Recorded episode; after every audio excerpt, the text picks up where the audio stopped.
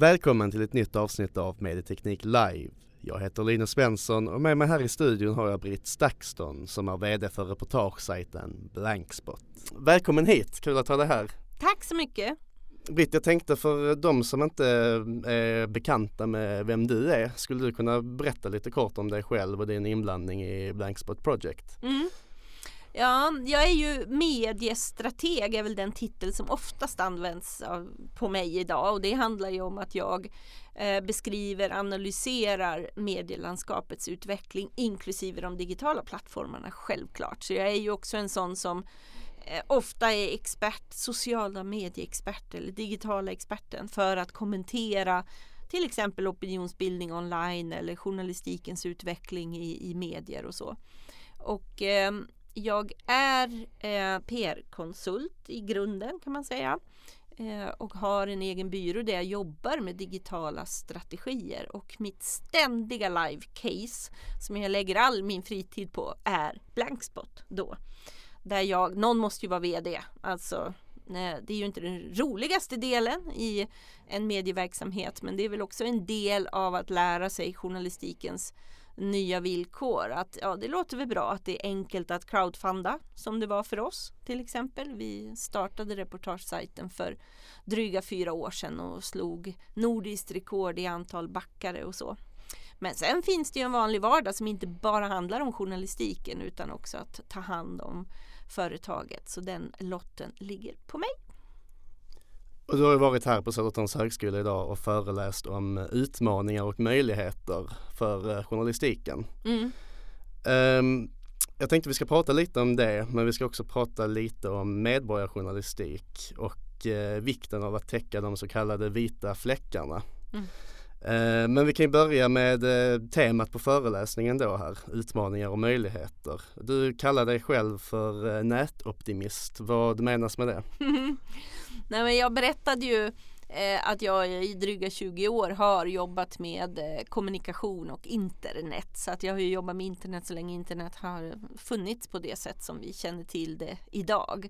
Ehm, och eh, det jag gjorde med, i föreläsningen var ju att försöka ge en grund som egentligen handlar om hur hela samhället har förändrats, hur medborgare har förändrats, att vi inte bara konsumerar medier längre utan också producerar. Och med hela den utvecklingen så landar ju en stor utvecklingsmöjlighet hos journalistiken. Eh, men också en, en väldig samma sak som förut. Det handlar fortfarande om att eh, på eh, en lust att vilja beskriva verkligheten helt enkelt. Så att, eh, jag försökte ge en bred bild av hur den här utvecklingen utmanar men också möjliggör för oss eh, som eh, journalister eh, men också för hela samhällsutvecklingen. Och vilka är de här utmaningarna, utmaningarna skulle du säga om, eh, om vi ska eh, dra det lite generellt? Ja, eh, alltså den digitala utvecklingens eh, föränd den förändring det har lett till var ju det som jag eh, nämnde nyss om att vi inte bara producerar, vi konsumerar medier utan också producerar. Så det vill säga att medierna som tidigare lite tillbakalutat kunde känna att här har vi vår grunduppgift och eh, vi är de som eh, har både resurser, vi har råd att ha en tryckpress, bara en sån sak och kan förmedla verkligheten ur, ur de perspektiv vi väljer att belysa. Och i bästa fall så kanske någon läsare hörde av sig. Eh, kanske med ett korrfel eller någon synpunkt på texten men det var inte mer dialog på det sättet kring, kring produkten. Och idag har man då ett väldigt mångfacetterat medielandskap och eh, i utmaningshörnet står ju just att det finns annat som eh, en vanlig människa väljer att lägga sin tid på. Och det är också annat mediehåll och det finns nya medieaktörer.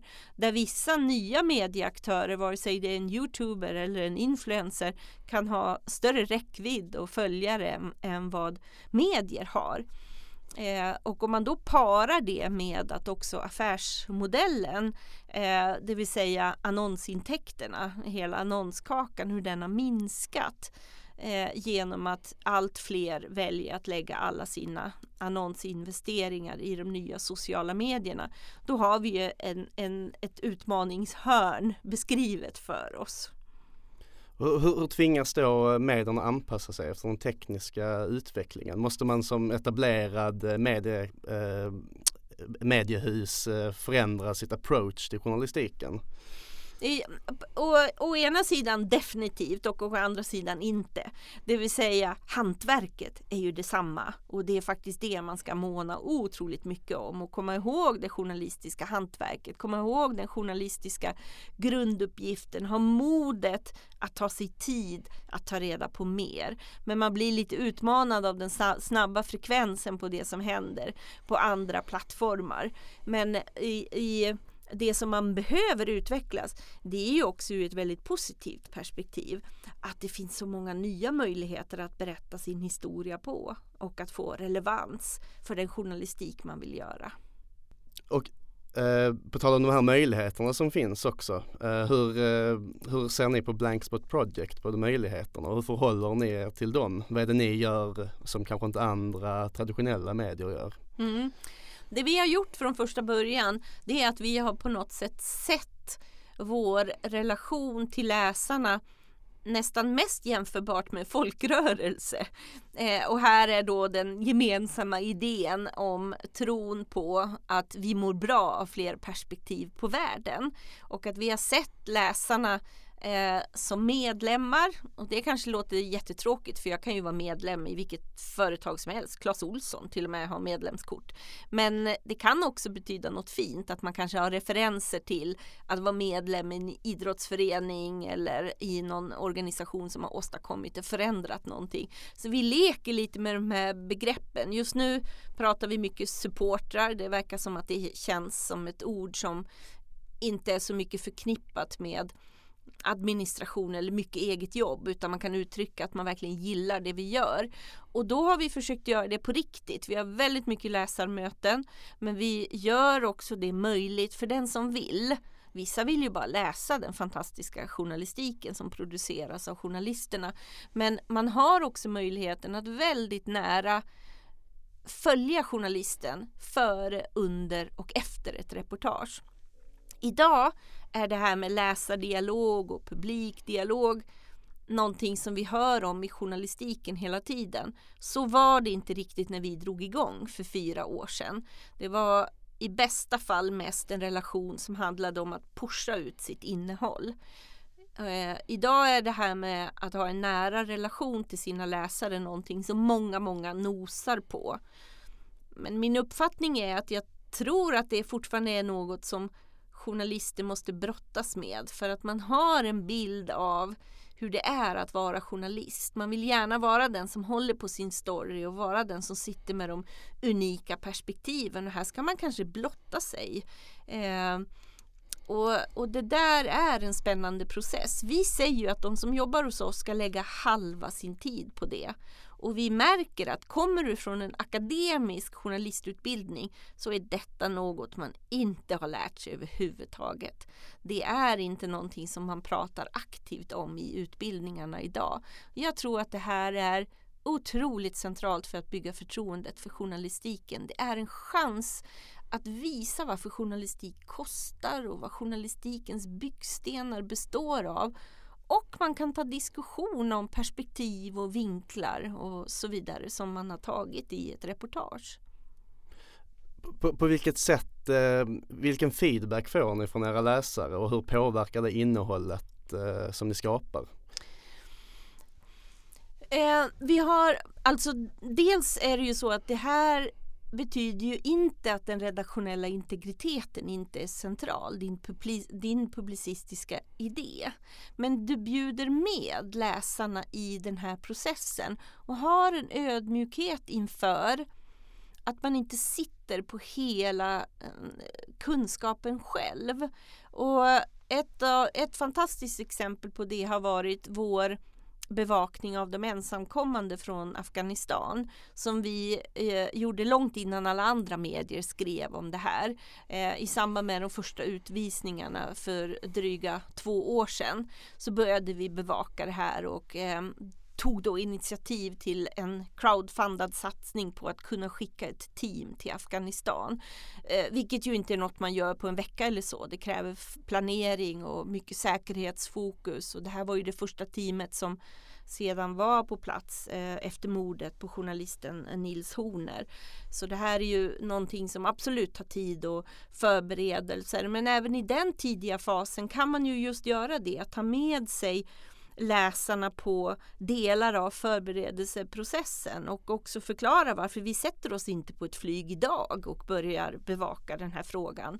Eh, och eh, där har journalisterna till sin hjälp haft 8000 personer som representerar hela spektrat som är intresserade, som är extra intresserade av den här frågan. Det vill säga de ensamkommande själva, eh, Migrationsverket, eh, politiker, poliser, hela civilsamhället, lärare som jobbar med de här, ehm, eh, de gode männen, socialtjänsten och så vidare. Alla de här sitter ju på egna unika perspektiv och tips eh, som är av otroligt stort värde för journalisterna i arbetet.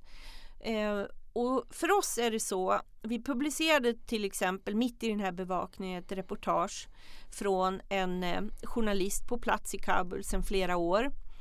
Eh, som eh, i, i, om jag ska kondensera hans text så var budskapet tvärt det aktivisterna drev. Det vill säga hans budskap var att du kommer inte dö så fort du sätter din fot i Kabul. Och det här är klart ur ditt perspektiv om hur eh, de som har varit med och finansierat reportaget påverkar reportaget. Det här är ju klart att det är ett reportage som de kanske inte hade förväntat sig ur ett perspektiv av att de vill ha journalistik som problematiserar den här frågan eh, ur, ur deras synvinkel. Men för oss blir det ju ett gyllene tillfälle att förklara vad som skiljer journalistik från aktivism. Så detta blir ju redaktionens ansvar hela tiden att hålla den eh, rågången klar men se att just diskussionerna om enskilda reportage eller artiklar är precis det som skapar en större förståelse för journalistiken. Och det här reportaget i Afghanistan som du nyss pratade om. Om jag inte missminner mig så nämnde du att det var under en tid när eh, journalister inte riktigt fanns på plats. Att eh, det var en farlig tid för journalister att åka dit. Um, det är då, det nog fortfarande. Eller precis, precis. hela området. Ja. Mm. Men eh, då kommer vi in på det här med de vita fläckarna. Mm. Varför är det viktigt att täcka de här områdena som ingen annan täcker? Mm. Alltså dels så är ju världen redan upptäckt. Det tror jag nog att man ändå ska se. Att eh, det är ju inte att eh, Blankspot har inte från första början haft ett sånt här lite upptäcka världen perspektiv för världen. Det finns berättelser från de eh, flesta regioner. Det är inte vår mission att vi är ute på någon sån här upptäcktsresa. Men däremot är det ju så att det definitivt det eh, finns en mediebevakning som tenderar att domineras av vissa områden. Och då är det ju så att våga se bortom det skarpa nyhetsläget, att se bortom en pågående konflikt och kanske vilja bevaka både före och efter eh, större händelser och också kanske lite oväntade vinklar. En, en, ett exempel som vi väldigt mycket använde under crowdfunding var ju i en sån här spirande tid av bevakning av feministiska rörelser så finns det ju väldigt lite man har läst om i svensk media om feministiska rörelser på Balkan. Det är också en vit fläck. Att våga tänka lite utanför det här som, eh, eh som så ofta finns ju otroligt nedslående siffror över hur mycket som har skrivits om om eh, Trump och USA till exempel i relation till bevakningen av eh, eh, eh andra länder och regioner. Sen är det klart att det handlar om att det finns en utveckling i det,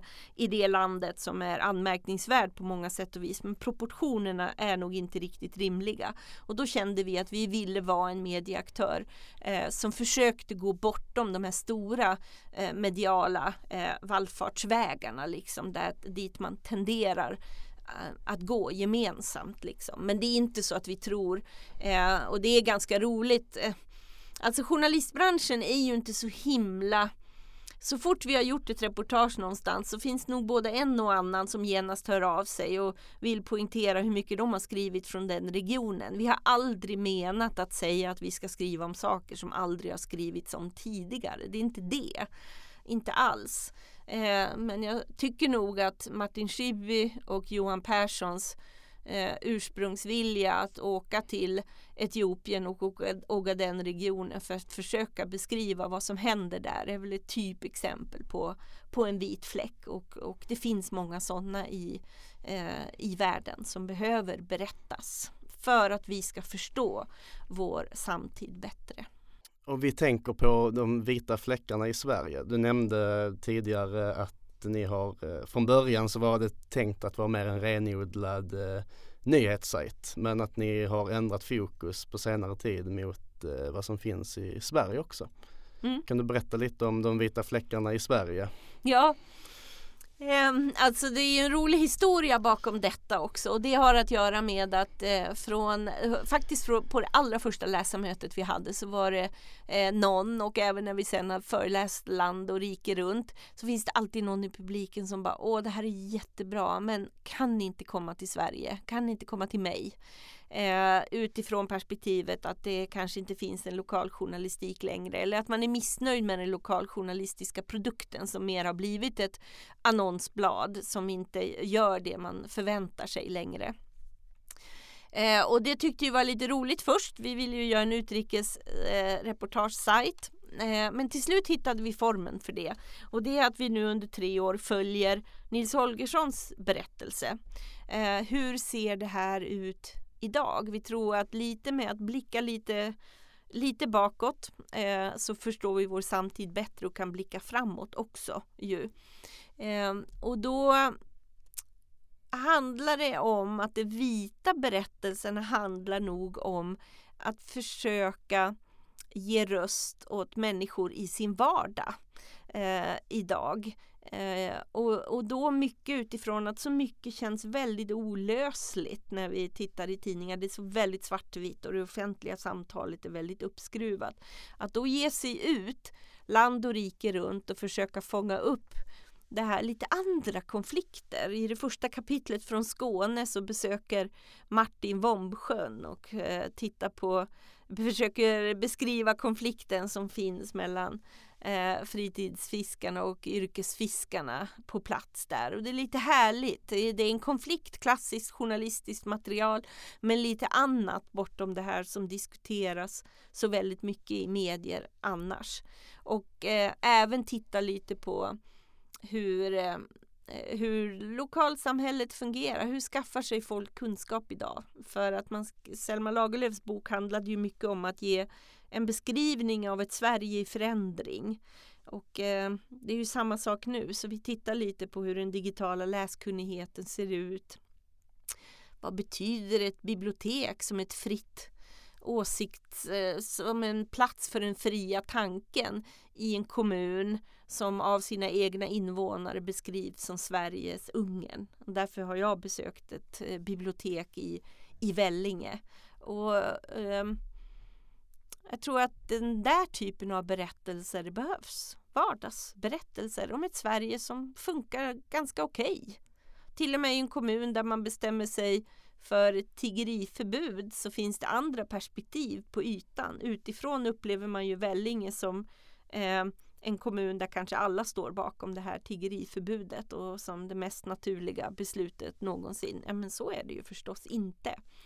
Um, så att eh, den resan är vi ute på och kommer komma i mål 2021 eh, i samband med det nästa eh, valet helt enkelt och också för att det är de dryga hundra år sedan. Det är första gången eh, den eh, kvinnliga rösträtten tillämpades också. Så det är vad vi gör parallellt med att vi ehm, eh, gör vår, vår vanliga rapportering. Och ehm, eh, just i det här eh, verkliga Sverige då. Ni, har, ni jobbar mycket med Facebookgrupper och så här med kontakt med eh, publiken eller era ja. läsare så att säga. Hur har de påverkat den här reportageserien? Ja, Eh, vi har ju bara gjort första kapitlet ännu och de är väl cirka 900 i den gruppen. Och där har vi funderat mycket, ska vi göra en grupp för varje landskap eller ska vi ha en för hela reportageserien? Vi har bestämt för hela reportageserien. Eh, och det som det har lett till är att vi när man väl, man behöver alltid ett exempel så att när väl första kapitlet var publicerat då fick vi otroligt mycket respons och tankar och idéer. Både om saker som i drömscenariot om vi hade mer pengar hade kunnat vara ett uppföljande reportage från Skåne. Alltså väldigt mycket reflektioner och adderade perspektiv på saker vi hade beskrivit. Det har vi i dagsläget inte resurser för. Det är mitt drömscenario för då skulle man vilja ha en lokal journalist som skulle kunna fånga upp alla de här trådarna och jobba med det innehållet. Så det var den ena delen vi fick mycket respons runt och sen var det just tips framåt mot Blekinge. Så jag har en hel lista på, jag tror att det är 14-15 personer som har eh, hört av sig och har idéer om perspektiv som de upplever vore intressanta för Blekinge-delen. Så får vi se vad det är, men varje sådant samtal är ju otroligt värdefullt. Kommer ni upptäcka det verkliga Sverige?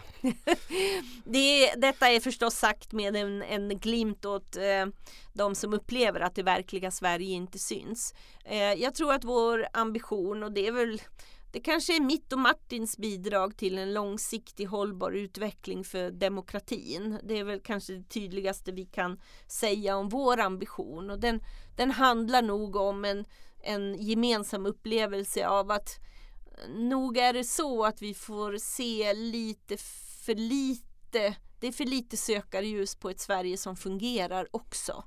Eh, sen kommer mina kulturanalyser ha en annan riktning än de eh, eh, Eh, portalkapitel som Martin skriver eh, som har en tydlig koppling dels till Selmas egen text från området men sen kommer det ju alltid handla om vad, vad vardagen på plats ger Martin för stoff att göra journalist, göra reportage från platserna. Mm. Okej, okay. ja. tack så mycket. Ja men tack själv. Och Britt Stakssons föreläsning hittar ni på play.sh.se. Tack för att ni lyssnade.